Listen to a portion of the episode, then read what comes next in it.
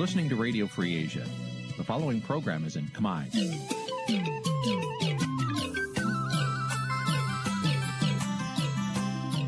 នេះជាកម្មវិធីផ្សាយ Vuthu Azizi Serai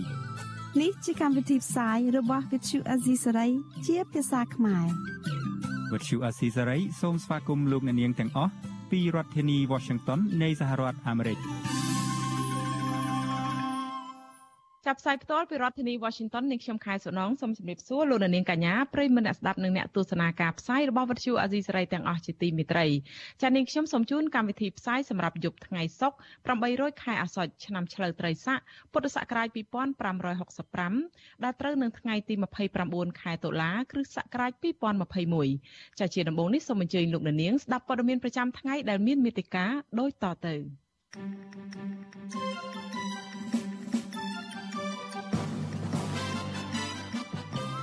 អ្នកវិភាគស្នើមេដឹកនាំស្ថាប័នជាតិអនុញ្ញាតឲ្យព្រះមហាក្សត្របំពេញព្រះរាជតួនាទីស្របតាមច្បាប់សង្គមស៊ីវិលបារម្ភពីផែនការបើកប្រទេសឡើងវិញរបស់រដ្ឋាភិបាលខណៈស្ថានភាពជំងឺ Covid-19 មិនទាន់ធូរស្រាល។ តែនៅក្នុងនីតិវេទិកាអ្នកស្ដាប់ពទ្យុអាស៊ីសេរីនារាត្រីនេះយើងនឹងជជែកថាតើគោលនយោបាយជំរុញចលនាទេសចរផ្ទៃក្នុងនឹងអាចស្ដារសេដ្ឋកិច្ចបានដែរឬទេចារួមនឹងព័ត៌មានផ្សេងៗមួយចំនួនទៀត។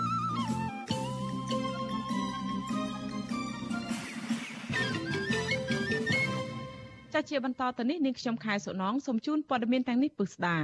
ចាលោកនាងជាទីមេត្រីក្រុមអ្នកវិភាគថាមេដឹកនាំស្ថាប័នកម្ពុជារបស់ជាតិពិសេសគឺលោកនាយករដ្ឋមន្ត្រីហ៊ុនសែនមិនបានគ្រប់គ្រងឬថ្វាយមធ្យោបាយដល់ព្រះមហាក្សត្រឲ្យទ្រង់បំពេញព្រះរាជកិច្ចបពេញលេញស្របតាមច្បាប់ក្នុងរយៈពេលនៃការក្រងរាជសម្បត្តិជិត20ឆ្នាំនេះទេចាការលើកឡើងនេះនៅក្នុងឱកាសព្រះរាជពិធីបុណ្យខួបលើកទី17នៃការយាងក្រងរាជសម្បត្តិរបស់ព្រះមហាក្សត្រព្រះបាទសម្ដេចព្រះបរមនាថនរោត្តមសីហមុនីនៅថ្ងៃទី29ខែតុលានេះចាប់ពីរដ្ឋធានី Washington លោកសេកបណ្ឌិតរាយការណ៍ព័ត៌មាននេះ ក្រុមអ្នកវិភាគលើកឡើងថាព្រះមហាក្សត្រត្រូវការចាំបាច់នៅការគ្រប់គ្រងនិងថ្វាយមធ្យោបាយដើម្បីទ្រង់អាចបំពេញព្រះរាជកិច្ចតាមរដ្ឋធម្មនុញ្ញផ្ទុយទៅវិញការមិនគ្រប់គ្រងរបស់ប្រមុខស្ថាប័នជាតិធ្វើឲ្យខូចប្រយោជន៍ជាតិប៉ះពាល់ដល់ក្តីសុខក្សេមក្សាន្តរបស់ប្រជាពលរដ្ឋអ្នកវិភាគចាស់វសានិងជាអ្នកជំនាញផ្នែកច្បាប់បណ្ឌិតឡៅម៉ុងហៃមានប្រសាសន៍ថារយៈពេល17ព្រះវសានៃការយាងឡើងគ្រងរាជសម្បត្តិ ព្រះមហាក្សត្រសម្ដេចព្រះបរមនាថនរោត្តមសីហមុនីមិនបានបំពេញព្រះរាជតួនាទីសំខាន់សំខាន់ឲ្យបានពេញលេញនៅឡើយទេ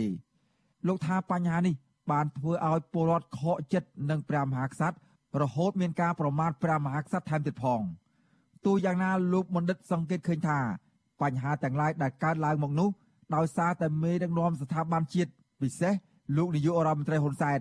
មិនជួយគ្រប់គ្រងនិងថ្វាយមធ្យោបាយឲ្យទ្រង់អាចបំពេញព្រះរាជទូរនីតិបានពេញលេញជាព្រះមហាក្សត្រដោយច្បាប់ចែងនោះឡើយ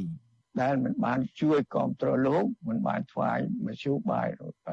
ថ្វាយលោកបាទនឹងគឺលោកមិនបានបំពេញភារកិច្ចតែករណីកិច្ច របស់លោកបាទជាព្រះមហាក្សត្របាទចាស់បាទប្រជាពលរដ្ឋមួយចំនួនហ្នឹងគឺ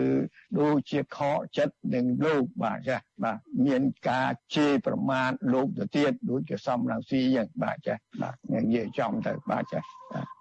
បណ្ឌិតឡៅម៉ុងហៃរីគុណទៀតថាក្រុមអ្នកដឹកនាំប្រទេសសពថ្ងៃថែមទាំងធ្វើច្បាប់លួចសិទ្ធិអំណាចព្រះមហាក្សត្រថែមទៀតជាឧទាហរណ៍រដ្ឋធម្មនុញ្ញចែងថា ព្រះមហាក្សត្រមានបបសិទ្ធលើកលែងទោសនិងបន្ធូរបន្ថយទោសទណ្ឌិតប៉ុន្តែមានការធ្វើច្បាប់មួយទៀតដោយកំណត់ថា ការលើកលែងទោសឬបន្ធូរបន្ថយទោសត្រូវធ្វើឡើងតាមសំណើនាយករដ្ឋមន្ត្រី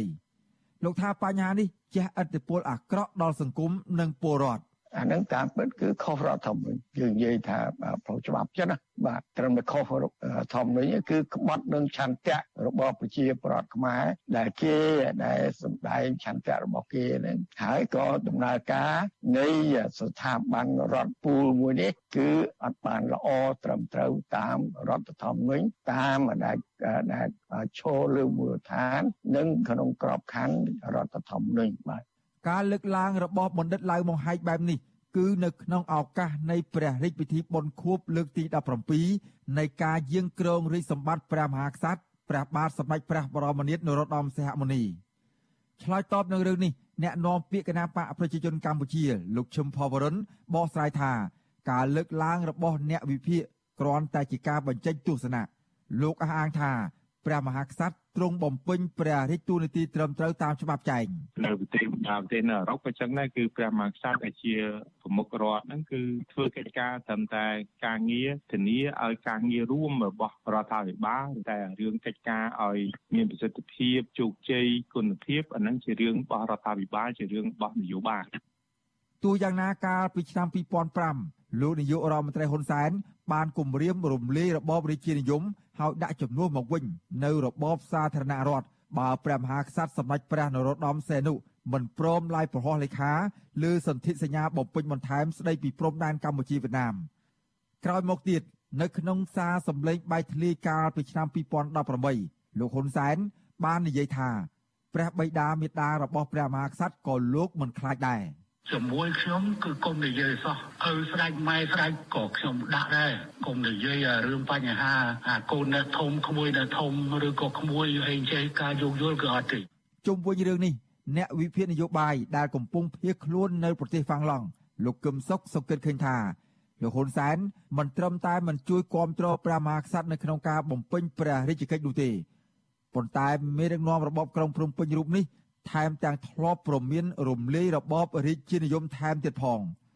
លោកបន្តថាទង្វើរបស់មេដឹកនាំក្រុងភ្នំពេញបែបនេះព្រោះខ្លាចព្រះមហាក្សត្រមានឥទ្ធិពលនិងមានប្រជាប្រិយភាពជាងខ្លួន។ គេព្យាយាមធ្វើច្បាប់ឬក៏កែច្បាប់មួយចំនួនតាំងពីរដ្ឋធម្មនុញ្ញរហូតទៅដល់ច្បាប់ធម្មតាដើម្បីព្យាយាមកម្រិតសិទ្ធិរបស់ព្រះករុណាព្រះមហាក្សត្រមិនអាចឲ្យព្រះអង្គបំពេញតួនាទីតាមព្រះហឫទ័យរបស់ព្រះអង្គក្នុងការជួយប្រជាពលរដ្ឋបានទេ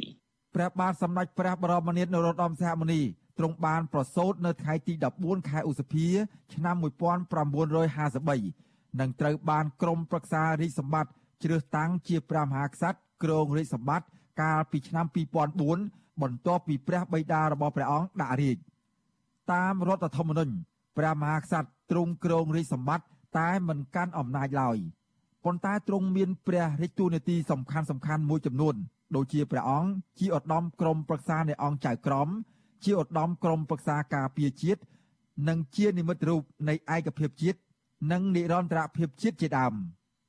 លោកបណ្ឌិតឡៅបង្ហៃជំរុញទៅក្រមមេដឹកនាំកាន់អំណាចកម្ពុជាកម្ពុជារបស់ជាតិរួមគ្នាថ្វាយមធ្យោបាយ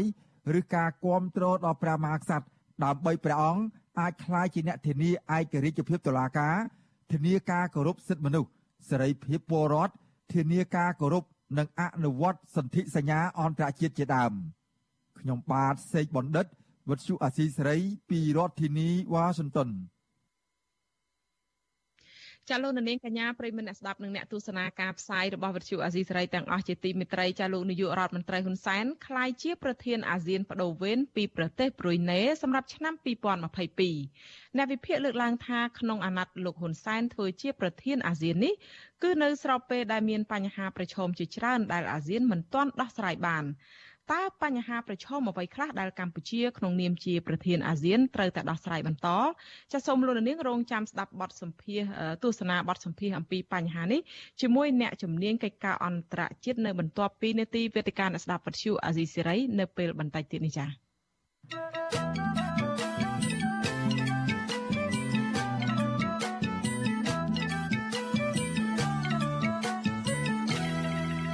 ចាលោកនាងជាទីមេត្រីចាងាកមកសេចក្តីរាយការណ៍តាក់ទងទៅនឹងស្ថានភាពនៃការរីករាលដាលនៃជំងឺ Covid-19 វិញករណីស្លាប់ដោយសារជំងឺ Covid-19 បានកើនឡើងដល់ជាង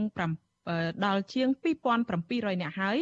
ក្រោយពីអ្នកជំងឺ Covid-19 ចំនួន7នាក់ទៀតបានស្លាប់ក្នុងនោះមាន5នាក់មិនបានចាក់វ៉ាក់សាំង ចាចំណែកករណីឆ្លងថ្មីវិញក្រសួងសុខាភិបាលប្រកាសថាមាន101នាក់ដែលជាលទ្ធផលបញ្ជាក់ដោយម៉ាស៊ីនពិសោធន៍ PCR ប៉ុន្តែតួលេខនេះនៅមិនទាន់រាប់មិនរាប់បញ្ចូលលទ្ធផលដែលពិនិត្យតាមឧបករណ៍តេស្តរហ័សឬ Rapid Test នោះទេគិតត្រឹមព្រឹកថ្ងៃទី29ខែតុលានេះកម្ពុជាមានអ្នកកើតជំងឺ Covid-19 ជិត120,000នាក់ក្នុងនោះអ្នកជាសះស្បើយមានជាង110,000នាក់ក្រសួងសុខាភិបាលប្រកាសថាគិតត្រឹមថ្ងៃទី28ខែតុលាម្សិលមិញរដ្ឋាភិបាលចាក់វ៉ាក់សាំងជូនពលរដ្ឋដែលគ្រប់អាយុបានស្ទើរ100%ក្នុងចំណោម10លាននាក់ចំណែកកុមារនិងយុវជនដែលមានអាយុពី6ឆ្នាំដល់17ឆ្នាំវិញក្រសួងបញ្ជាក់ថាចាក់វ៉ាក់សាំងបានជាង3លាន7សែននាក់ក្នុងចំណោមអ្នកដែលត្រូវចាក់សរុបជិត4លាននាក់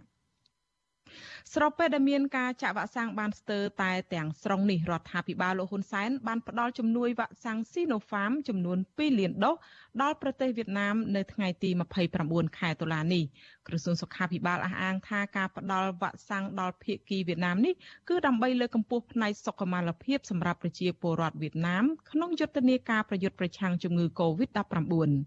កន្លងមករដ្ឋាភិបាលធ្លាប់ផ្ដល់ជំនួយជាវ៉ាក់សាំងថវិកានិងសម្ភារៈបរិក្ខារមួយចំនួនទៀតដល់ប្រទេសជិតខាង និងប្រទេសក្នុងតំបន់ប៉ុន្តែប្រជាពលរដ្ឋមួយចំនួនបានរិះគន់សកម្មភាពនេះព្រោះកម្ពុជាមិនទាន់សម្បូរបែបនៅឡើយទេ ជាពិសេសកម្ពុជា នៅត្រូវការនិងស្នើសុំជំនួយពីសហគមន៍អន្តរជាតិនៅឡើយក្នុងយុទ្ធនាការប្រយុទ្ធប្រឆាំងនឹងជំងឺ Covid-19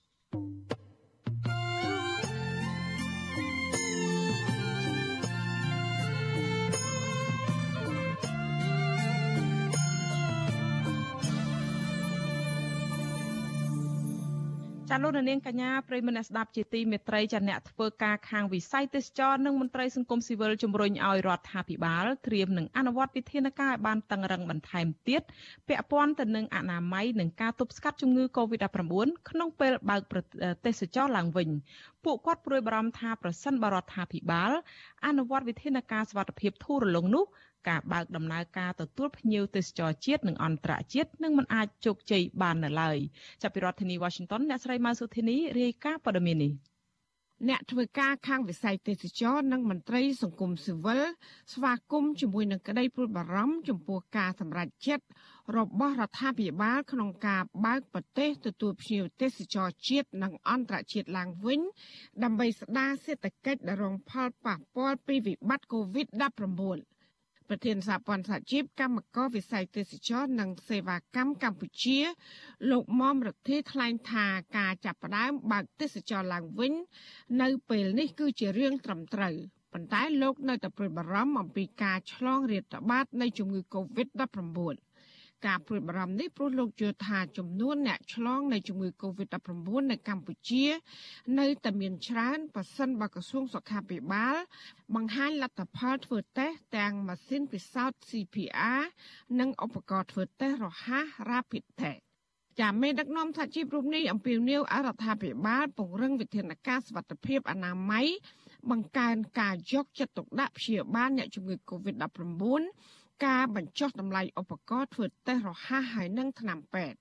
ក្រៅពីនេះលោកជំរុញឲ្យរដ្ឋាភិបាលលុបបំបាត់អំពើពុករលួយ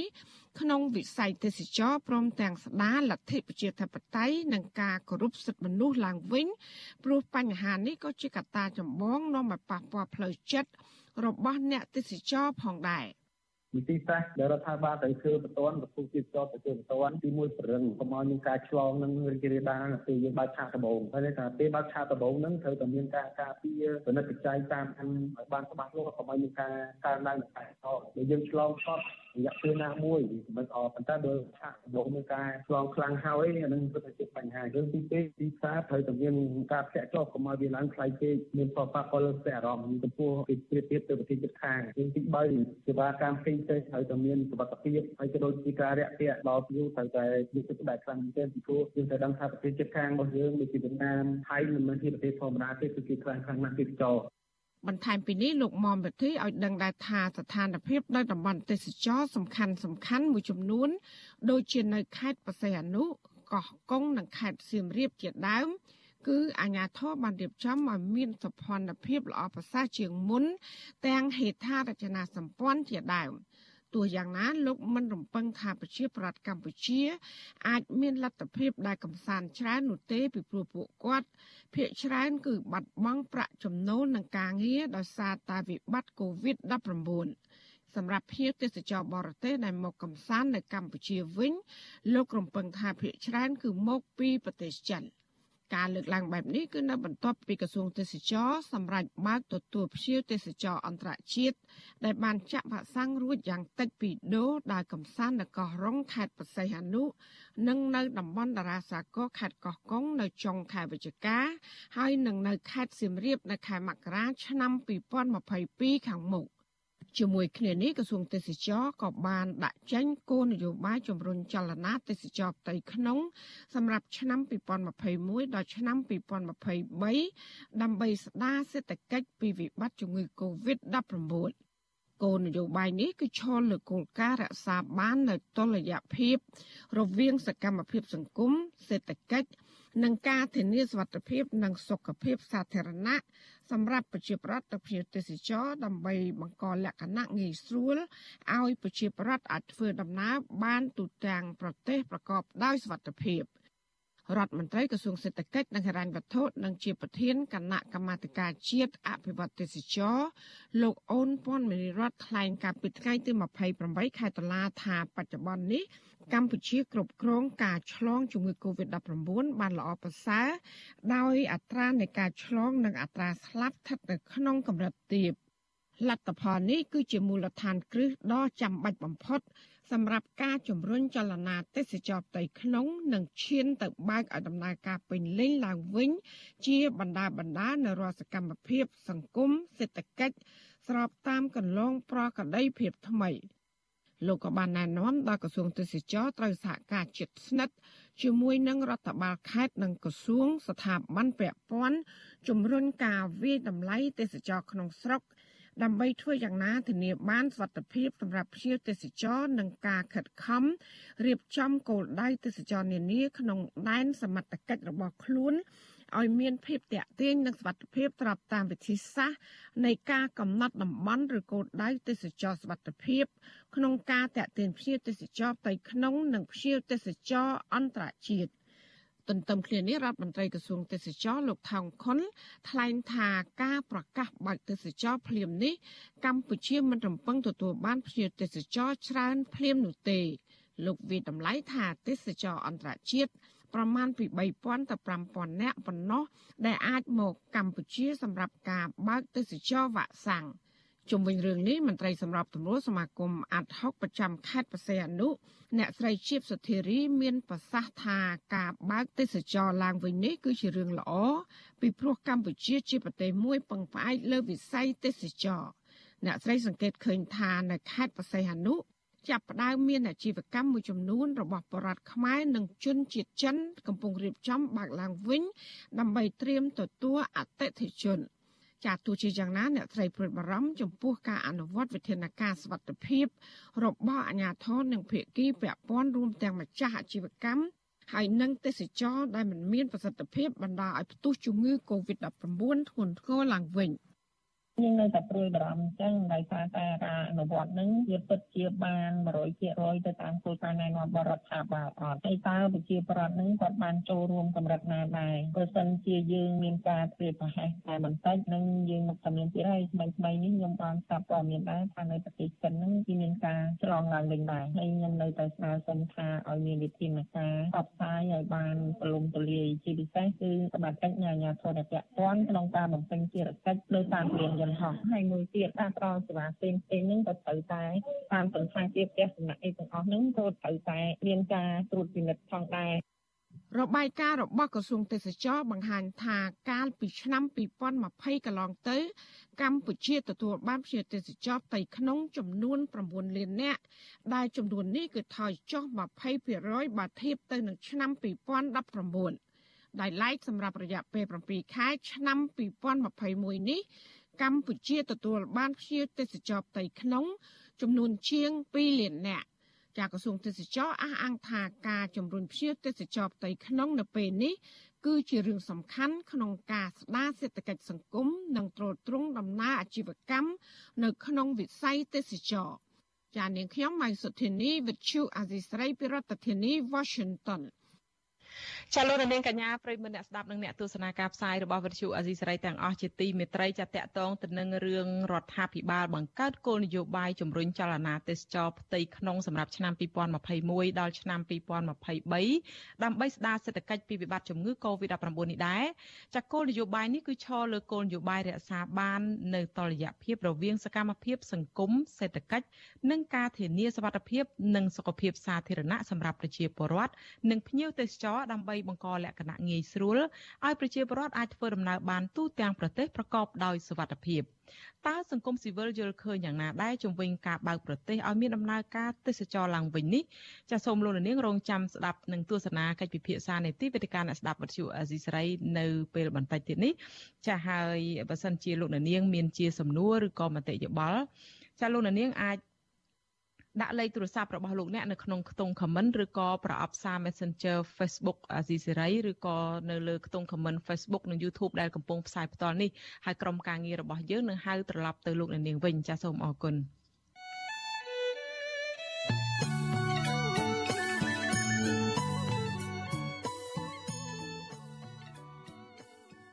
ចាលោកនាងកញ្ញាប្រិយមិត្តអ្នកស្ដាប់និងអ្នកទស្សនាការផ្សាយរបស់វិទ្យុអស៊ីសេរីទាំងអស់ជាទីមេត្រីចាក្រៅពី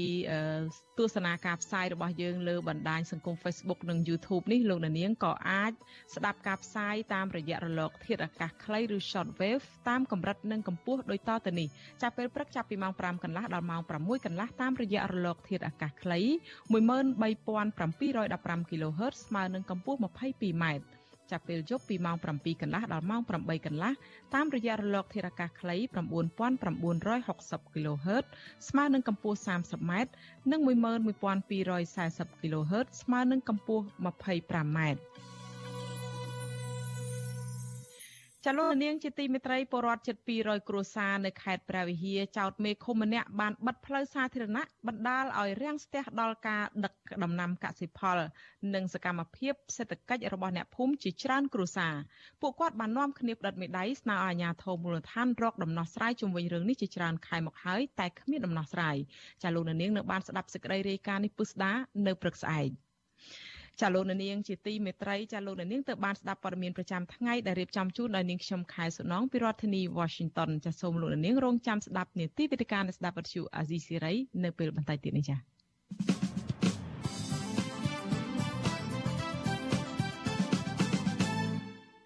ចាលោកនាងជាទីមេត្រីចាជាបន្តទៅនេះគឺជានេតិវេទិកាអ្នកស្ដាប់វិទ្យុអាស៊ីសេរី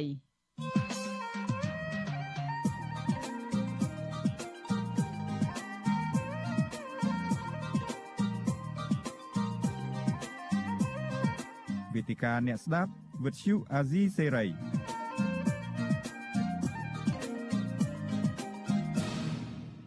លោកនាងជាទីមេត្រីចានៅក្នុងនីតិវេទិកាអ្នកស្ដាប់ពទ្យុអាស៊ីសេរីនារាត្រីថ្ងៃសុក្រទី29ខែតុលានេះចាយើងនឹងជជែកវិភាសាអំពី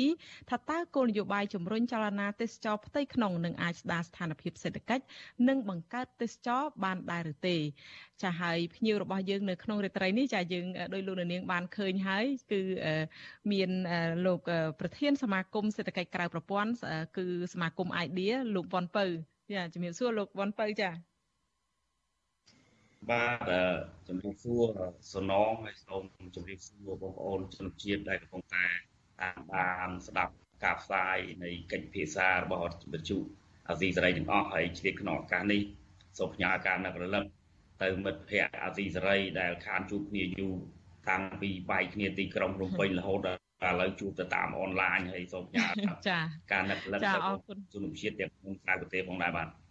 ចាអរគុណច្រើនលោកបនពៅពួកគាត់កំពុងតែទស្សនាហើយអញ្ចឹងខ្ញុំមិនបាច់នាំពាក្យប្រាប់គាត់ទៀតទេចាអរគុណលោកបនពៅចាហើយយើងក៏មានភ្ញៀវមួយរូបទៀតដែរគឺលោកគឺជាប្រធានសមាគមមគ្គទេសភាសាចិនកម្ពុជាលោកទាគីឡែងចាលោកកំពុងតែនៅខេត្តសៀមរាបជំរាបសួរលោកទាគីឡែងចាបាទជំរាបសួរអ្នកស្រីសុក ណងនិងប្រិយមិត្តអាស៊ីសេរីទាំងអស់គ្នាជំរាបសួរចា ចាអរគុណច្រើនលោកចាមុននឹងបើកិច្ចពិភាក្សានឹងខ្ញុំចង់ជំរាបជូននៅព័ត៌មានសង្ខេបបន្តិចកាលពីម្សិលមិញថ្ងៃទី28ខែតុលានោះរដ្ឋមន្ត្រីក្រសួងសេដ្ឋកិច្ចនិងហិរញ្ញវត្ថុនិងជាប្រធានគណៈកម្មាធិការជាតិអភិវឌ្ឍទេសចរលោកអូនពាន់មនីរតចាជាជាមួយរដ្ឋមន្ត្រីក្រសួងទេសចរលោកថោងខុនដែលជាប្រធានក្រុមការងាររដ្ឋ រដ្ឋាភិបាលនិងឯកជន ដែលបានប្រកាសផ្សព្វផ្សាយដាក់ឲ្យអនុវត្តគោលនយោបាយជំរុញចលនាទេសចរផ្ទៃក្នុងចាដើម្បីស្ដារនិងលើកស្ទួយវិស័យទេសចរក្នុងស្រុកនិងស្ដារសេដ្ឋកិច្ចក្រោយវិបត្តិ COVID-19 ចាលោកអូនពាន់មនីរតបានថ្លែងថា គិតមកដល់ពេលបច្ចុប្បន្ននេះការឆ្លងរាលដាលនៃជំងឺ Covid-19 នឹងគឺស្ថិតនៅក្រោមការគ្រប់គ្រងបានល្អប្រសើរដោយអត្រានៃការឆ្លងនិងស្លាប់នឹងនៅមានកម្រិតទាបទេចាហើយលោកថាវិធានការគោលនយោបាយជំរុញចលនាទេសចរផ្ទៃក្នុងឆ្នាំ2021ដល់ឆ្នាំ2023នេះគឺរៀបចំឡើងឈរលើគោលការណ៍ដែលរក្សាបាននៅតុល្យភាពរវាង សកម្មភាពសង្គមសេដ្ឋកិច្ចហើយនិងការធានាសុវត្ថិភាព និងសុខភាពសាធារណៈសម្រាប់ប្រជាពលរដ្ឋរួមទាំងភ្ញៀវទេសចរចលនាផលនេះគឺជាមូលដ្ឋានគ្រឹះដ៏ចាំបាច់បំផុតចាសម្រាប់ការឈានទៅជំរុញចលនាទេសចរផ្ទៃក្នុងដែលជាផ្នែកមួយសំខាន់នៃការបើកឲ្យដំណើរការពេញលេញឡើងឡើងវិញជាបដាម្ដានៅរាល់សកម្មភាពសង្គមសេដ្ឋកិច្ចស្របតាមកន្លងប្រក្តីភាពថ្មីចាអឺ នេះគឺនាងខ្ញុំបានសង្ខេបពីខាងក្រសួងទេសចរហើយនឹងកិច្ចប្រជុំអំពីគោលនយោបាយបើកបើកស្ដារគោលនយោបាយជំរុញចលនាទេសចរផ្ទៃក្នុងនេះចាហើយដោយលោកទាគីលេងនិងលោកវ៉ាន់ពៅបានជ្រាបហើយថាទេសចរផ្ទៃក្នុងនោះមានទាំងទេសចរបរទេសដែលគាត់កំពុងតែរស់នៅធ្វើការនៅស្រុកខ្មែរហ្នឹង ហើយមានទាំងប្រជាពលរដ្ឋខ្មែរនៅក្នុងប្រទេសអីជាដើមជាដំបងបឋមនឹងសុំសួរទៅលោកវ៉ុនពៅមុនសិនដោយសារតែលោកវ៉ុនពៅមានសមាជិកច្រើនដែរនៅធ្វើការខាងវិស័យសេដ្ឋកិច្ចក្រៅប្រព័ន្ធនឹងគឺជាពិសេសគឺខាងវិស័យសេវាកម្មដឹកជញ្ជូនភ្ញៀវទេសចររមាក់កង់3រមាក់ទេសចរនឹងច្រើនចាលោកវ៉ុនពៅតើលោកយល់ឃើញយ៉ាងម៉េចដែរចំពោះគោលនយោបាយនឹងតើមើលទៅអាចមានក្តីសង្ឃឹមខ្លះទេសម្រាប់ក្រមអ្នកសេដ្ឋកិច្ចក្រៅប្រព័ន្ធរបស់លោកចាបាទអរគុណសំណងដែលបានសួរសំណួរនេះ សម្រាប់ខ្ញុំជាទូទៅបើយើងកលេចមើលស្ថានភាពតកតងទៅនឹងការផ្ដល់វ៉ាក់សាំងរបស់រដ្ឋាភិបាលជូនដល់ប្រជាពលរដ្ឋយើងឃើញថាវាច្រើនជិត100%ទៅហើយអានឹងគឺជាចំណុចទី1ដែលយើងគិតថាអឺប្រសិនបើវ៉ាក់សាំងទាំងអស់នោះមានប្រសិទ្ធភាពវាជាពេលវេលាមួយដែលរដ្ឋ ត្រូវឬក៏គួរពិចារណាបើកឡើងវិញនៅវិស័យទេសចរឬក៏បើកឡើងវិញនៅផ្នែកសង្គមនិងសេដ្ឋកិច្ចដើម្បីជាការសម្រួលទៅដល់ប្រជាពលរដ្ឋខ្មែរធ្វើយ៉ាងណាในការស្ដារឡើងវិញនៃលទ្ធភាពក្នុងការរកប្រាក់ចំណូលដើម្បីធានានៅការចិញ្ចឹមជីវភាពប្រចាំថ្ងៃរបស់ពួកគាត់អានេះយើងមើលចំណុចទី1ចំណុចទី2យើងក៏លេខមើលស្ថានភាពជីវភាពប្រជាពលរដ្ឋប្រសិនបើកាលណាយើងបិទប្រទេស បិទតំបន់ទេសចរបិទ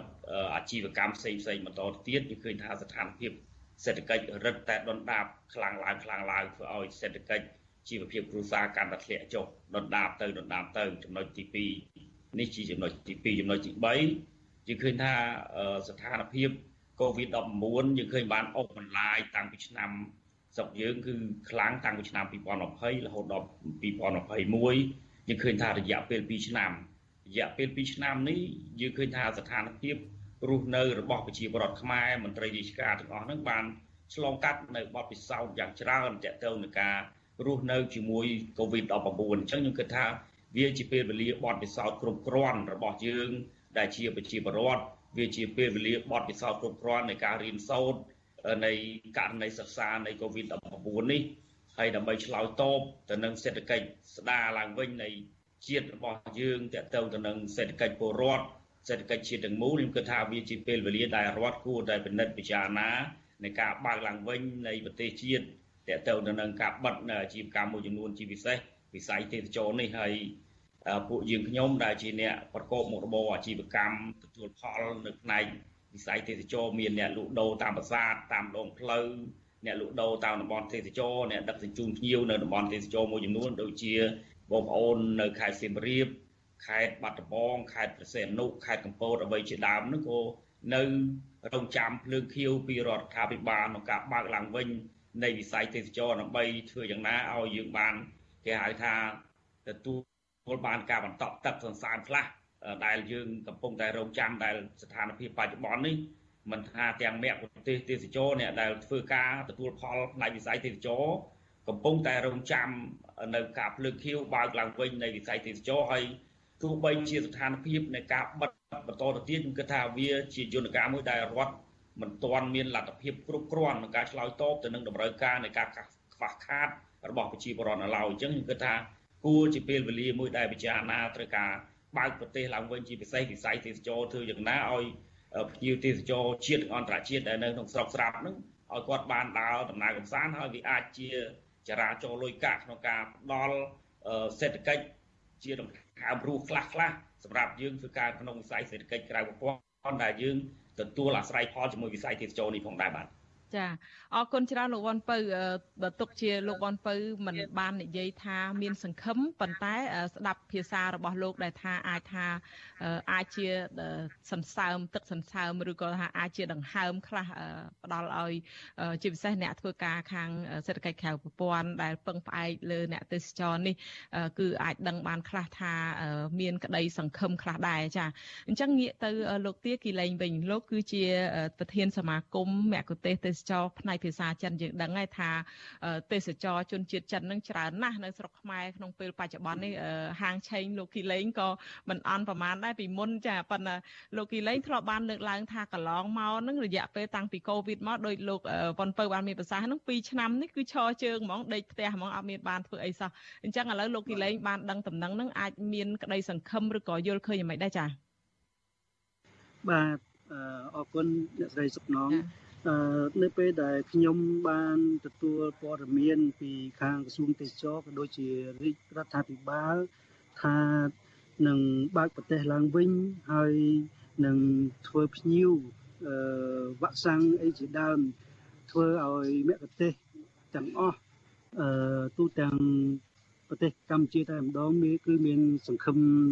ឡើងវិញដោយសារយើងរងចាំ អស់រយៈពេលជាយូរមកហើយមកដល់ពេលនេះជិត2ឆ្នាំទៅហើយដែលយើង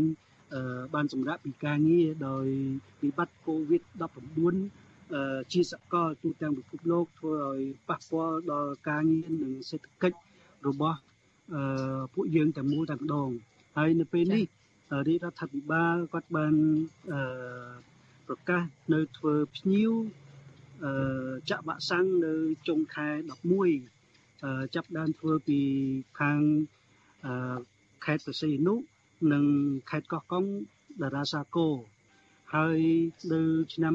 2020ខែមករាខាងមុខហ្នឹងគឺចាប់ដើមធ្វើពីខេត្តសៀមរាបយើងផងដែរដូច្នេះព័ត៌មាននេះគឺជាព័ត៌មានមួយដែលធ្វើឲ្យពួកយើងមានសង្ឃឹមខ្លះខ្លះឡើងវិញតែទោះជាយ៉ាងណាក៏ដោយក៏ពួកយើងសង្ឃឹមនៅលើជាក់ស្ដែងភាពជាក់ស្ដែងនៅពេលដែលយើងបើកធ្វើឡើងវិញតើមានភ្ញៀវ ទេសចរនៅកម្រិតណាព្រោះអីមគ្គុទេសទេសចរសប្ថ្ងៃក៏នៅទំនេរច្រើនចាចាអរគុណច្រើនលោកគីលេងចាប្រហាក់ប្រហែលគ្នានឹងស្តៀងលោកវ៉ុនពៅដែរប៉ុន្តែយ៉ាងណានោះលោកបាននិយាយហើយថាចាំមើលជាក់ស្ដែងចាមកដល់ពេលនេះលោកគីលេងបានប្រាប់ខ្ញុំមុនការផ្សាយនឹងថាអឺ 2ឆ្នាំហើយអត់មានភ្ញៀវម្នាក់សោះនៅក្នុងការនាំដើរចាគឺពិតជាប្រឈមនឹងការលំបាកសម្រាប់អ្នកដែលមានអាជីពជាអឺនាំភ្ញៀវចាជាមគ្គុទេសហ្នឹងគឺมันអាចដែលរស់នៅពឹងអាស្រ័យផលទៅលើភ្ញៀវទេសចរប៉ុន្តែมันទាន់មានភ្ញៀវប៉ុន្តែយ៉ាងណាទន្ទឹមទៅនឹងបញ្ហានេះគឺថាតកតងទៅនឹងគោលនយោបាយទន្ទឹមនឹងគោលនយោបាយជំរុញទេសចរផ្ទៃក្នុងហ្នឹង ក៏មានការចាប់ផ្ដើមរដ្ឋាភិបាលក៏ប្រកាសថានឹងចាប់ផ្ដើមបើកទទួលភ្ញៀវទេសចរអន្តរជាតិឡើងវិញនឹងនៅតាមតំបន់ទេសចរមួយចំនួនដូចជានៅក្រុងប្រសេនុកោះរ៉ុងខេត្តប្រសេនុអីហើយឬក៏តារាសាគរខេត្តកោះកុងអីនឹងដែលមានអឺដែលចាប់ពីថ្ងៃទី30ខែវិច្ឆិកាឆ្នាំ2021នេះចាខែក្រោយនេះគឺដល់ហើយនឹងចាហើយការបើកទទួលនេះគឺអនុញ្ញាតឲ្យភ្ញៀវទេសចរអន្តរជាតិដែលបានចាក់វ៉ាក់សាំងគ្រប់ដូសហើយនឹងស្នាក់នៅហើយទស្សនានៅតំបន់ទេសចរសវត្ថភាពដែរគឺខែក្រោយនឹងហើយតើអឺលោកទាគីលែងលោកគិតថាការដែលប្រកាសថាមានវ៉ាក់សាំងគ្រប់គ្រាន់នេះអាចមានភាពកក់ក្ដៅល្មមដោយអ្នកនៅក្នុងស្រុកនឹងគាត់អាចចេញទេសចរទេបើតាមមើលទំនោរទេសចរពេលនេះចា៎បាទដោយសារប្រទេសកម្ពុជាយើង បានទទួលការចាក់វ៉ាក់សាំងគ្រប់ដូស គឺស្ទើរតែ100%ទៅហើយនៅសេសសល់តែបន្តិចបន្តួចហើយអឺមកទល់ពេលនេះគឺប្រជាជនគាត់យល់ដឹងច្រើនអឺពីរបៀបរស់នៅបែបកន្លងថ្មីនៃសម័យកូវីដនេះដូច្នេះអឺពេលដែលរដ្ឋាភិបាលគាត់ធ្វើភ្ញៀវទេសចរជាតិឬមួយក៏ទេសចរផ្ទៃក្នុងឬមួយក៏ទេសចរវ៉ាក់សាំងនៅពេលខាងមុខនេះអឺយើង ក៏សង្ឃឹមថារាជរដ្ឋាភិបាលគាត់ទទួលបានជោគជ័យហើយ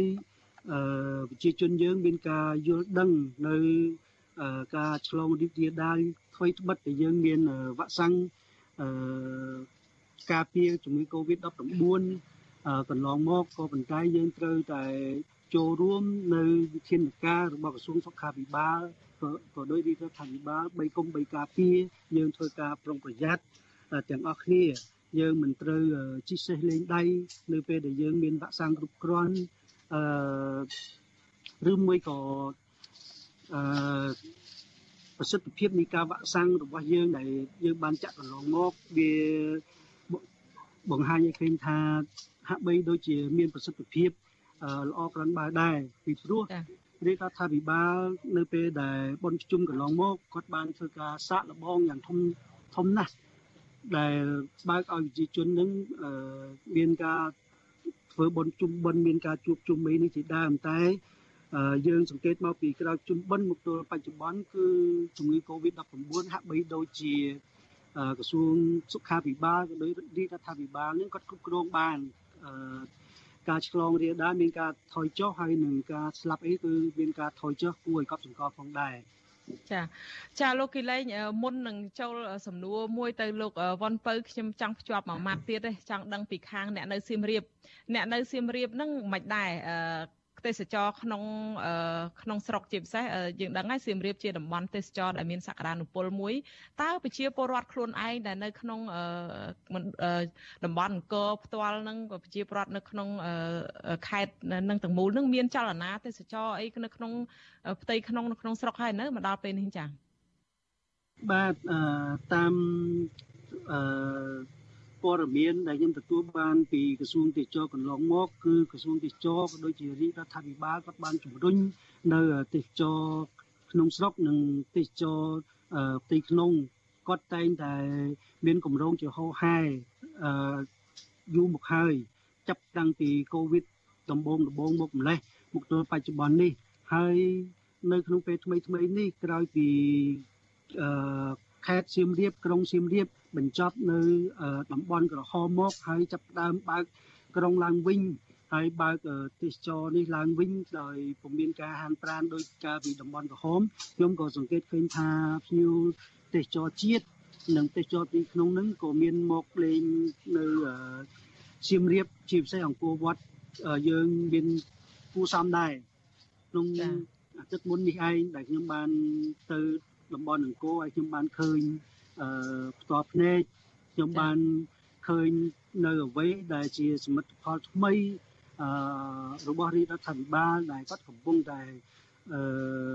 លើកស្ទួយនៅវិស័យទេសចរនេះហើយគាត់ខិតខំប្រឹងប្រែងទាំងហេដ្ឋារចនាសម្ព័ន្ធក៏គាត់ឃើញគាត់ធ្វើបានល្អទាំងសោភ័ណភាពនៅជុំវិញតំបន់អឺរមណីយដ្ឋានអង្គរក៏គាត់បានធ្វើបានយ៉ាងល្អជាពិសេសដាំផ្កាដាំអីហ្នឹងធ្វើឲ្យសោភ័ណភាពហ្នឹងលើកជួយលើក អឺអង្គរវត្តយើងគឺស្អាតតែម្ដងហាក់បីដូចជា អង្គរវត្តកំពុងតែត្រៀមខ្លួនទទួលភ្ញៀវទេសចរនៅពេលខាងមុខនេះដែរចាអញ្ចឹងមានន័យថានៅពេលបន្ទាប់ពីបិទខ្ទប់មកហ្នឹងអ្នកសៀមរាបហ្នឹងបែបអបសុកអីគាត់បានចេញដើរលេងអីខ្លះហើយចាប្រើប្រាស់ហើយបាទបាទគឺអញ្ចឹងដោយសារមានការបិទខ្ទប់ដោយសារយើងនៅផ្ទះយូរពេកយើងបាត់បង់ ប្រាក់ចំណូលហើយយើងនឹងមានការ stress អីចឹងក្រោយវាបើកទៅគឺមានប្រជាជនតែខេត្តសៀមរាបទាំងទូទាំងប្រទេសគឺគេមានមកទស្សនានៅខេត្តសៀមរាបអង្គរយើងដែរខ្ញុំឃើញមានការមានភ្ញៀវច្រើនគូសំដែរ ចាអរគុណច្រើនលោកគីលែងចាចាលោករនាងជាទីមេត្រីឥឡូវនេះយើងកំពុងតែជជែកពិភាក្សាអំពីថាតើគោលនយោបាយជំរុញចលនាទេសចរផ្ទៃក្នុងនឹងអាចស្ដារស្ថានភាពសេដ្ឋកិច្ចនិងបង្កើតទេសចរបានដែរឬទេចាឲ្យភ្ញៀវរបស់យើងនៅពេលនេះគឺមានលោកវ៉ាន់ពៅលោកជាប្រធានសមាគមសេដ្ឋកិច្ចក្រៅប្រព័ន្ធហើយនឹងលោកទាគីលែងលោកជាប្រធានសមាគមមគ្គុទេស ភាសាចិនកម្ពុជាហើយប្រសិនជាលោកនាងមានជាសំណួរឬក៏មតិយោបល់មកកាន់កម្មវិធីផ្សាយរបស់យើងនេះលោកអ្នកអាចដាក់លេខទូរស័ព្ទនៅក្នុងខ្ទង់ comment Facebook ហើយនិង YouTube ដែលកំពុងផ្សាយផ្ទាល់នេះហើយក្រុមការងាររបស់យើងនឹងស្រង់យកលេខទូរស័ព្ទរបស់លោកនាងហើយហៅត្រឡប់ទៅលោកនាងវិញចាឥឡូវខ្ញុំភ្ជាប់សំណួរដែលអឺ ពីមុននឹងដែលលោកគីលែងបានលើកឡើងអំពីរឿងថាជាទេសចរវ៉ាក់សាំងហើយវ៉ាក់សាំងយើងក៏ចាក់បានច្រើនអីហ្នឹងខ្ញុំចង់ងាកសំណួរហ្នឹងទៅលោកវ៉ាន់ពៅវិញអ្នកនាំពាក្យទីស្តីការគណៈរដ្ឋមន្ត្រីលោកផៃស៊ីផានហ្នឹងក៏បានលើកឡើងដែរពីរឿងវ៉ាក់សាំងហ្នឹងថាជាប្រទេសកម្ពុជាហ្នឹងគឺបានឈានមុខគេហើយគឺយើងបានធ្វើការចាក់វ៉ាក់សាំងហ្នឹងជិត100%អាត្រង់ចំណុចនេះគឺឆ្លើយតបទៅនឹងសំណួរថាជាចំណុចខ្លាំងរបស់យើងហើយយើងក៏បានសួរទៅគាត់ដែរថាតើរដ្ឋាភិបាលនិងអាជ្ញាធរនឹងបានត្រៀមខ្លួនហើយឬនៅចាសម្រាប់ការបើកទ្វារទទួលភ្ញៀវទេសចរបរទេសនៅតាមតំបន់គោលដៅនឹងលោកបានឆ្លើយតបដូច្នេះអញ្ចឹងសូមលោកវ៉ុនពើស្ដាប់ហើយនឹងលោកនាងស្ដាប់ប្រសាសន៍លោកផៃស៊ីផានបន្តិចសិនមុននឹងយើងឆ្លើយតបចា៎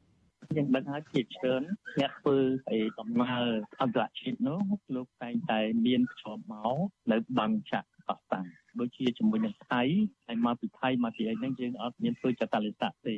ហើយវិធានសុខាភិបាលដទៃទៀតអាហ្នឹងគឺក្រសួងសុខាភិបាលលោកអ្នកតាក់តែងហើយវិធានរដ្ឋបាលជាគោលការណ៍គឺយើងបើកចំហហើយព្រមតែនោះប៉ុន្តែនៅវិធានសុខាភិបាលទៅធ្វើរបៀបមិនទៀតសូមអញ្ជើញសួរលោកជំទាវអមឌីតបាទចា លោកវ៉ាន់ពៅតើចំណុចនេះអ្វីដែលមានការលើកឡើងរបស់រដ្ឋាភិបាលខាងលោកផៃសិផានបែបនេះថាតើអាចឲ្យមានភាពកក់ក្ដៅនៅក្នុងការទទួលបានទេ នៅក្នុងពេលបើកឲ្យមានទេសចរនៅក្នុងផ្ទៃក្នុងនេះចា៎បាទអរគុណសំណួរភ្ជាប់ជាមួយអាដាមផៃសិផានដែលបានលើកអំពីការចាក់វ៉ាក់សាំងនៅក្នុងប្រទេសនេះ យើងឃើញយន្តការទី1យើងឃើញរដ្ឋាភិបាលតែងតែជាពិសេសក្រសួងសុខាភិបាលកាលមុនមានការធ្វើចាក់តល័យស័កភ្ញៀវបរទេសដែលចូលក្នុងស្រុកខ្មែរគឺថារយៈពេល14ថ្ងៃអីនោះហើយយើងឃើញនៅចុងក្រោយបានបន្ថយនៅត្រឹម3ថ្ងៃឬក៏មួយសប្តាហ៍អានេះគឺជាចំណុចវិជ្ជមានមួយដើម្បីជាការទទួលភ្ញៀវទេសចរតែយើងត្រឡប់ថយក្រោយបន្តិច យើងឃើញថាភ្ញៀវបរទេសមួយចំនួនធំតែងតែរអ៊ូរទាំថាសេវាដែលធ្វើចាក់តល័យស័កឧទាហរណ៍គាត់ជួលសន្តាគារដែលគាត់ស្នាក់នៅក្នុងការធ្វើចាក់តល័យស័កយើងឃើញថាមានតម្លៃខ្ពស់ហើយអាហារហូបចុកប្រចាំថ្ងៃក៏គេឆាចសេវាខ្ពស់តាំងពីសេវាដឹកជញ្ជូនមានន័យថាគឺឆាចខ្ពស់ធ្វើឲ្យភ្ញៀវទេសចរឬក៏ភ្ញៀវបរទេសមួយចំនួន តែងតែរអ៊ូរទាំលើកឡើងនៅតាមបណ្ដាញសង្គមចំណុចនេះហើយដែលជាចំណុចមួយដែលទូនីតិអាជ្ញាធររដ្ឋត្រូវគិតពិចារណាធ្វើយ៉ាងណាឲ្យមានភាពកក់ក្ដៅសម្រាប់ភ្ញៀវទេសចរមានន័យថាការបើកទេសចរឡើងវិញទី1យើងឃើញថាយើងយើងមើលកតា2កតាទី1ឃើញថាទេសចរបាសាំងអានេះគឺជាចំណុចមួយដើម្បីទទួលភ្ញៀវទេសចរបរទេសចំណុចទី2យើងឃើញថាការផ្សព្វផ្សាយអំពីជំរុញ ការអនុវត្តគោលនយោបាយគោលនយោបាយជំរុញចលនាទេសចរផ្ទៃក្នុង ឆ្នាំ2021 2023នេះវាជាកត្តាទី2ដែលសម្រាប់ទទួលភ្ញៀវទេសចរដែលមានស្រាប់នៅក្នុងប្រជាណាចក្រកម្ពុជារបស់យើងអញ្ចឹងចំណុចទាំងពីរនេះវាជាកត្តារួមមួយដើម្បីឲ្យភ្ញៀវទេសចរជាតិនិងអន្តរជាតិក្នុងការពិចារណាមកទេសនាតំបន់ទេសចរនៅប្រជាណាចក្រកម្ពុជា ចំណុចនេះហើយដែលខ្ញុំគិតថាវាជាចំណុចមួយដែលរដ្ឋត្រូវតែពិនិត្យទៅលើគោលការណ៍ទាំងអស់នេះដើម្បីធានាទៅដល់ភ្ញៀវទេសចរទាំងឡាយយើងមើលឃើញថាតាមគោលនយោបាយជំរុញចលនាទេសចរផ្ទៃក្នុងឆ្នាំ2021 2023នេះយើងឃើញថាមានជាច្រើនចំណុចដែលក្នុងនោះមានចំណុច4សំខាន់សំខាន់ហើយយើងមើលនៅក្នុងចំណុចទី3 ចំណុចទី3នៃគោលនយោបាយនេះគឺបង្កើនទំនុកទុកចិត្តទៅដល់ភ្ញៀវទេសចរអញ្ចឹងបង្កើនទំនុកទុកចិត្តទៅដល់ភ្ញៀវទេសចរនេះគឺអឺដែលយើងយោងទៅលើចំណុចទី2ឃើញថានឹងចំណុចទី1គឺទួលនីតិអាជ្ញាធរសមត្ថកិច្ចពាក់ព័ន្ធទាំងអស់ជាពិសេសអាជ្ញាធរដែនដីគ្រូសម្រាប់ថ្នាក់ហ្នឹងត្រូវពិនិត្យទៅមើលតំបន់ទេសចរទៅមើលទីតាំងភូមិសាស្ត្រទេសចររបស់ខ្លួនហើយការពិនិត្យនីតិសោតគឺពិនិត្យទាំងសេវា ទេសចរដូចខ្ញុំនិយាយខាងដើមអញ្ចឹងបើសិនជាទេសចរវ៉ាសាំងនៅពេលដែលភ្ញៀវបរទេសគេឈានជើងចុះពីយន្តហោះមកលើទឹកដីកម្ពុជាតើការធ្វើចាក់តល័យសាក់ឬក៏កន្លែងស្នាក់នៅត្រូវគិតអំពីតម្លៃសមរម្យដើម្បីជាភាពកក់ក្ដៅសម្រាប់ភ្ញៀវចំណុចទី1ចំណុចទី2សេវាទាំងអស់ត្រូវគិតពិចារណាថាតើក្នុងស្ថានភាព COVID-19 តើភ្ញៀវអាចមានលទ្ធភាពប៉ុណ្ណាអញ្ចឹងយើងឃើញថា នៅក្នុងចំណុច4សំខាន់សំខាន់ដែលក្នុងចែងនៅក្នុងគោលនយោបាយនេះវាជាចំណុចសិតសឹងតែជាចំណុចដែលល្អទាំងអស់ដែលបើយើងមើលខ្លឹមសារទាំង4ចំណុចខ្ញុំគិតថាវាជាចំណុចប្រសើរបើសិនជាអនុវត្តឲ្យបានខ្ជាប់ខ្ជួននៅគោលនយោបាយចលនាទេសចរផ្ទៃក្នុងដែលអាយដាមទាំងរដ្ឋមន្ត្រីទាំងពីរបានលើកឡើងកាលពីថ្ងៃទី28នេះហើយអ្វីដែលជាការចាប់អារម្មណ៍របស់ខ្ញុំមួយទៀតនោះគឺថានៅក្នុងគោលនយោបាយទេសចរផ្ទៃក្នុងនោះ លោកបានលើកឲ្យថាទស្សនាស្រុកយើងយោងទៅតាមស្មារតីហ្នឹងក្រសួងទេសចរនោះបានលើកជាពាក្យស្លោកថាស្រឡាញ់ជាតិត្រូវស្គាល់ទឹកដីចំណុចនេះហើយគឺជាចំណុចដែលខ្ញុំមើលទៅគឺពេញចិត្តស្ដោកតែម្ដងមានន័យថាស្រឡាញ់ជាតិត្រូវស្គាល់ទឹកដីអញ្ចឹងពាក្យថាស្រឡាញ់ជាតិត្រូវស្គាល់ទឹកដីគឺជាកត្តាមួយជំរុញឲ្យប្រជាពលរដ្ឋខ្មែរទូទាំងប្រទេសត្រូវស្គាល់តំបន់ទេសចររបស់ខ្លួនមិនថាទេសចរនៅតាមជីដែនទេសចរក្នុងស្រុក ទេសចរផ្នែកទេសចរធម្មជាតិផ្នែកវប្បធម៌ទេសចរសពនិមិត្តអីយ៉ាងណាក្តីហ្នឹងគឺត្រូវតែប្រជាពលរដ្ឋទាំងអស់ត្រូវស្គាល់តំបន់ទេសចរហ្នឹងហើយដើម្បីជំរុញឲ្យភ្ញៀវទេសចរជាតិនិងអន្តរជាតិជាពិសេសបងប្អូនប្រជាពលរដ្ឋក្នុងស្រុកត្រូវស្គាល់តំបន់ទេសចរដែលលើកលោកលើកឡើងថាស្រឡាញ់ជាតិត្រូវស្គាល់ទឹកដីហ្នឹងគឺ រដ្ឋគឺឬក៏ស្ថាប័នពាក់ព័ន្ធបើយោងទៅលើគោលនយោបាយនេះគឺត្រូវបង្កលក្ខណៈងាយស្រួលផ្ដល់ទំនុកទុកចិត្តទៅដល់ភ្ញៀវក្នុងស្រុកដែលគាត់ដាក់គោលដៅទៅលេងតំបន់ទេសចរណាមួយទី1គឺគិតពីសេវាតកតងទៅនឹងសវត្ថភាពការពារ COVID-19 ទី2គឺសេវាតកតងថ្លៃផ្ទះសំណាក់ថ្លៃតំបន់ទេសចរអីទៀតសោតនោះគឺត្រូវគិតថាតើតម្លៃសមរម្យប៉ុណ្ណាដើម្បី អាចឲ្យប្រជាពលរដ្ឋខ្មែរដែលជាអ្នកក្រីក្រកំពុងតែងើបពីស្ថានភាព COVID-19 លោកមានលទ្ធភាពកាត់ជំងឺ stress ដែលឃុំខ្លួនឯងរយៈពេល2ឆ្នាំនេះបាន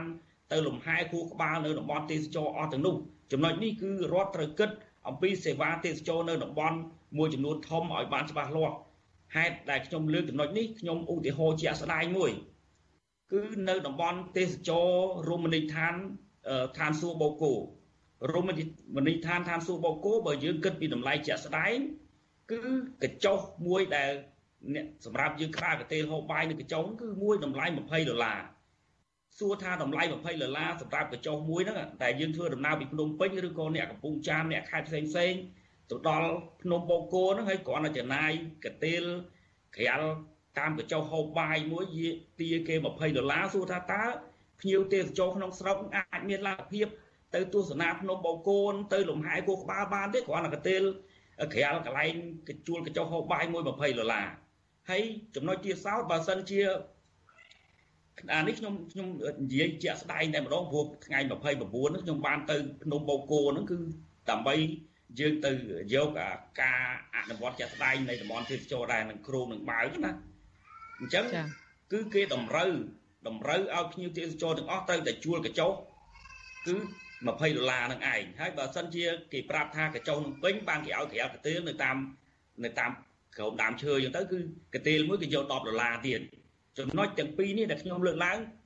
ក្នុងឱកាសនេះខ្ញុំសូមផ្ញើសារនេះទៅរដ្ឋាភិបាលស្ថាប័នដែលពាក់ព័ន្ធទាំងអស់ត្រូវពិនិត្យឡើងវិញតំបន់ទេសចរទាក់ទងនឹងថ្លៃសេវាកម្មនៃតំបន់ទេសចរបើសិនជា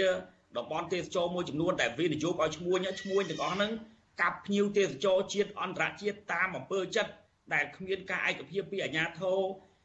មូលដ្ឋានពីអាជ្ញាធរខេត្តហ្នឹងពីអាជ្ញាធររដ្ឋមន្ត្រីក្រសួងទេសចរសួរថាតើភ្ញៀវ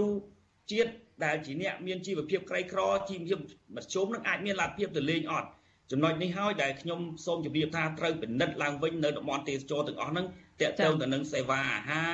សេវាថ្លៃដឹកជញ្ជូនជាពិសេសសេវាដែលកន្លែង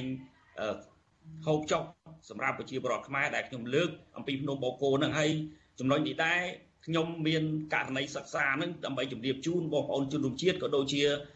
ខ្ញុំគិតថាអាស៊ីសេរីលោកធំលោកធំស្ដាប់ច្រើនណាស់អញ្ចឹងសូមប្រាប់ទៅអស់លោកធំទាំងអស់ថាពិនិត្យមើលសេវាទេសចរនៅភ្នំបូកគោផងព្រោះគេដាក់លិខិតกระดาษមួយស្លឹកគេចែកឲ្យភ្ញៀវបរទេសគេមិនអនុញ្ញាតឲ្យភ្ញៀវជាតិនិងអន្តរជាតិជាពិសេសភ្ញៀវជាតិហ្នឹង ទៅក្រៅកទេលហូបបាយនៅក្រោមដើមឈើក្រៅពីកញ្ចុះរបស់ក្រុមហ៊ុននោះទេហើយកញ្ចុះក្រុមហ៊ុនដូចខ្ញុំលើកឡើងគឺថ្លៃណាស់20ដុល្លារសួរថាមានលទ្ធភាពឯណាហើយបើយើងហូបបាយនៅតាមក្រោមដើមឈើគឺគេផាកពិន័យក្នុងម្នាក់ក្នុងกระดาษដែលគេចេញហ្នឹងគឺម្នាក់80000អញ្ចឹងមានន័យថាយ៉ាងម៉េចមានន័យថាច្បាច់កោប្រជាពលរដ្ឋខ្មែរឲ្យបខំបងលុយឲ្យក្រុមហ៊ុនស្រស់ស្រស់អញ្ចឹងហើយ សួរថាតើក្រមស្មារតីស្រឡាញ់ជាតិត្រូវស្គាល់ទឹកដីហ្នឹងសួរថាតើមានប្រជាពលរដ្ឋប្រមាណនេះដែលអាចមានលទ្ធភាពទៅទៅទេសនាតំបន់ហ្នឹងខ្ញុំលើកឧទាហរណ៍នៅភ្នំបូកគោមួយទេដែលជារឿងជាក់ស្ដែងកាលពីម្សិលមិញវេលាម៉ោង1នឹងនឹងឯងបាទហ្នឹងជាការផ្ញើសារថាដើម្បីអនុវត្តគោលនយោបាយហ្នឹងអាជ្ញាធរគ្រប់លំដាប់ថ្នាក់ត្រូវពិនិត្យទៅលើសេវាតំបន់ទេសចរទាំងអស់ដើម្បីធានាទៅដល់ប្រជាពលរដ្ឋខ្មែរ ទាំងអ្នកក្រទាំងអ្នកតូចទាំងអ្នកធំទាំងអ្នកក្រៅប្រព័ន្ធក្នុងប្រព័ន្ធទទួលបាន ការបើកឡើងវិញនៃកន្លងទេសចរថ្មីនេះឯងបាទចាអរគុណច្រើនលោកបនពៅដែលលោកបានចោះទៅទេសចរខ្លួនឯងនឹងហើយយកបទពិសោធន៍យកមកជំរាបជូនលោកនាងជាក់ស្ដែងតែម្ដងហើយឥឡូវនេះដោយសារយើងមានអ្នកស្ដាប់មួយរូបនៅរងចាំយើងយូរហើយដែរគឺលោកជាវចាខ្ញុំសូមបើកឲ្យគាត់ចូលមានប្រសាសន៍តិចសិនចាជំរាបសួរលោកជាវចា បាទបាទបាទជំរាបសួរបាទចាបាទហើយជំរាបសួរហើយវាគ្មិនទាំងពីរផងលោកបនពៅនិងលោកអីខាងអ្នកទេសចរចិនភាសាចិនបាទបាទបាទបាទអញ្ចឹងខ្ញុំកុំឲ្យខាតពេលយូរខ្ញុំចង់សួរលោកវ៉ាន់ទៅអីអញ្ចេះអីពេលដែលថាយើងបើកទេសចរដើម្បីសេដ្ឋកិច្ចមិនអញ្ចឹង ហើយអញ្ចឹងហើយខ្ញុំចង់សួរថាចែហើយសេដ្ឋកិច្ចហ្នឹងកាលមុនដែលមានទេសចរដែរហ្នឹងអាអត់មានកូវីដអីហ្នឹងតើសេដ្ឋកិច្ចទៅណាហ្នឹងខ្ញុំចង់សួរចំណុចទី1ហើយដល់ឥឡូវបើកទេសចរហ្នឹងគឺបើកអីបើកអីហើយថាថារដ្ឋមន្ត្រីណាពីរនាក់នោះថាដែលគាត់មានប្រសាសន៍ថាអឺតើថា អីគេតើស្គាល់ទឹកដីហ្នឹងសួរថាគាត់សួរសួរគាត់ទៅវិញថាតើគាត់ស្គាល់ទឹកដីខ្មែរទំហំប៉ុន្មានទេអាហ្នឹងខ្ញុំចង់សួរអញ្ចឹងអាហ្នឹងខ្ញុំប្រជាពលរដ្ឋទេណាខ្ញុំចង់សួរអញ្ចឹងណាអាហើយទី2ខ្ញុំសួរទៅអឺខ្ញុំផ្ដាំផ្ញើទៅលោកខាងមេខាងភាសាចិននោះទេសចរខាងភាសាចិនអឺខ្ញុំចង់សំណូមពរឲ្យលោកជួយប្រាប់លោកស៊ីជីនពីងណា ហើយខ្ញុំទទួលស្គាល់ចិនជួយសេដ្ឋកិច្ចខ្មែរគាត់ជួយលុយមែនជួយជួយឲ្យគាត់យកវិញដែរណាត្រូវឲ្យមានតលយៈភាពឬក៏តលយៈការគ្នាបាទអាហ្នឹងខ្ញុំទទួលស្គាល់ចិនគាត់ធ្វើតាំងជំនាន់ប៉ុលពតមកជំនាន់ណាណាមកខ្ញុំទទួលស្គាល់ហើយខ្ញុំអត់អត់រើឲ្យចិនទេប៉ិនខ្ញុំចង់សួរថាឥឡូវយើងធ្វើម៉េចបើកជើធ្លុះរាល់ថ្ងៃនេះ ឥឡូវអាហ្នឹងទៅឲ្យលោកទាំងពីរហ្នឹងគាត់បកស្រាយអាហ្នឹងសំណួរខ្ញុំមានតែប៉ុណ្្នឹងឯងអរគុណហើយខ្ញុំគ្រាន់តែជាទស្សនៈទានរបស់ខ្ញុំណាខ្ញុំថាធ្វើឡែឡែទេសួរលោកជុនច័ន្ទបុតទៅបានដឹងខ្ញុំនិយាយថាធ្វើឡែឡែហ្នឹងលោកជុនច័ន្ទបុតគាត់ដឹងខ្ញុំនិយាយហើយពាក្យហ្នឹងហ្នឹងហើយចា អញ្ចឹងសូមអរគុណច្រើនលោកជាដែលលោកបានចូលមកចាជំរាបជូនលោកអ្នកសួរទៅកាន់វាគ្មិនរបស់យើងអញ្ចឹងលោកបងពៅសុំសុំខ្លីដោយសារយើងជិតអស់ពេលវេលាទៅហើយចាឲ្យមុនបកគលទៅលោកគីលេងចាខ្ញុំឆ្លើយខ្លីទេទៅឲ្យបងគីលេងគាត់បញ្ជាក់បន្ថែមទៀតតកតងទៅនឹងចំណុចនេះខ្ញុំគិតថាអាយដាមរដ្ឋមន្ត្រីលោកគាត់លើកអំពីស្រឡាញ់ជាតិត្រូវស្គាល់ទឹកដីគឺតកតងទៅនឹងទឹកដីតំបន់ទេសចរដែលជា គេហៅថាឧស្សាហកម្មទ្វៀនផ្សែងសម្រាប់ជួយសេដ្ឋកិច្ចទៅដល់ប្រទេសកម្ពុជាក្នុងឱកាសនេះខ្ញុំជម្រាបថាបើសិនជាការបើកភ្ញៀវទេសចរឡើងវិញវាជាដង្ហើមរស់មួយដែរសម្រាប់អ្នកធ្វើការនៅក្នុងវិស័យសេដ្ឋកិច្ចក្រៅប្រព័ន្ធនេះគឺជាការមើលឃើញអញ្ចឹងហើយដែលនៅក្នុងគោលនយោបាយនេះគឺថាគេបានចែងយ៉ាងច្បាស់ថាអាជ្ញាធរគ្រប់លំដាប់ថ្នាក់ទាំងអស់ត្រូវពិនិត្យទៅលើតំបន់ដែលជាប៉ូលទេសចររបស់ខ្លួនឡើងវិញអញ្ចឹងការពិនិត្យនឹងគិតថាក្នុងឯកសារនឹងគឺ ត្រូវពិនិត្យទាំងពីតម្លៃសេវាតាំងពីសេវាផ្សេងផ្សេងតាំងពីអនាម័យតាំងពីសវត្ថភាពសម្រាប់ភ្ញៀវទេសចរទាំងអស់ហ្នឹងហើយដែលខ្ញុំលើកនៅក្នុងគោលនយោបាយនេះអញ្ចឹងវាជាចំណុចមួយដែលគួរប្រសើរផងដែរហើយតកតងនឹងការសេដ្ឋកិច្ចរស់ឡើងវិញខ្ញុំគិតថាបើសិនជាបើកវាដូចខ្ញុំជម្រាបជូនខាងដើមប្រសើរក្រនបើជាបិទកាលណាបិទគឺសេដ្ឋកិច្ចយ៉ាងស្ដោកតែម្ដងកាលណាបើកហើយណាក៏យើងបានដឹកភ្ញៀវក្នុងស្រុកក្នុងអីក្នុងការរកប្រាក់ចំណូលចិញ្ចឹមជីវភាពគ្រួសារ បានក្រាន់ខ្លះដែរបាទអានេះខ្ញុំជម្រាបខ្លីតែប៉ុណ្ណឹងបាទចាសូមងាកទៅលោកគីលែងចាលោកគីលែងមានការឆ្លើយតបយ៉ាងម៉េចទៅនឹងលោកជាវដែលបានលើកឡើងនេះចាបាទអឺចំពោះខ្ញុំវិញអឺយើងនិយាយត្រឡប់ទៅវិញថានៅពេលដែលមានភ្ញៀវទេសចរចិនវាធ្វើ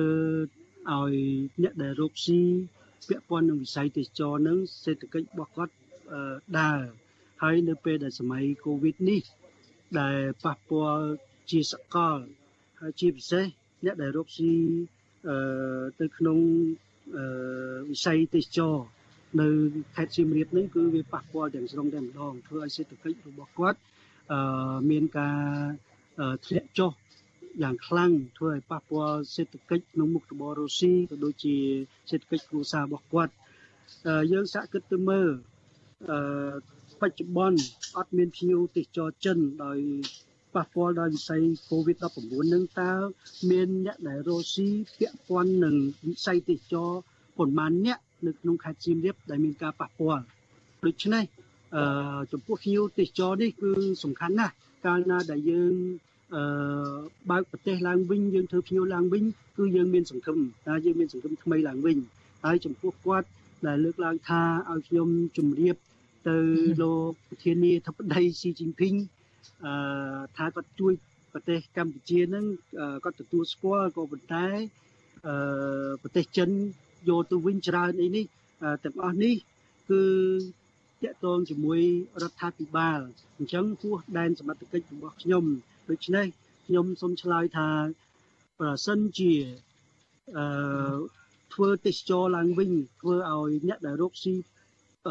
តាក់ទងនឹងវិស័យទេសចរមានសង្ឃឹមនឹងរស់ឡើងវិញផងដែរសូមអរគុណចាអរគុណច្រើនលោកគីលេងកុំតាន់អាលនៅសល់មួយសំណួរទៀតចុងក្រោយដោយសារយើងសល់ពេលតែ3នាទីសូមម្នាក់មួយនាទីបានហើយជាមួយលោកវ៉ាន់ពៅថាតើ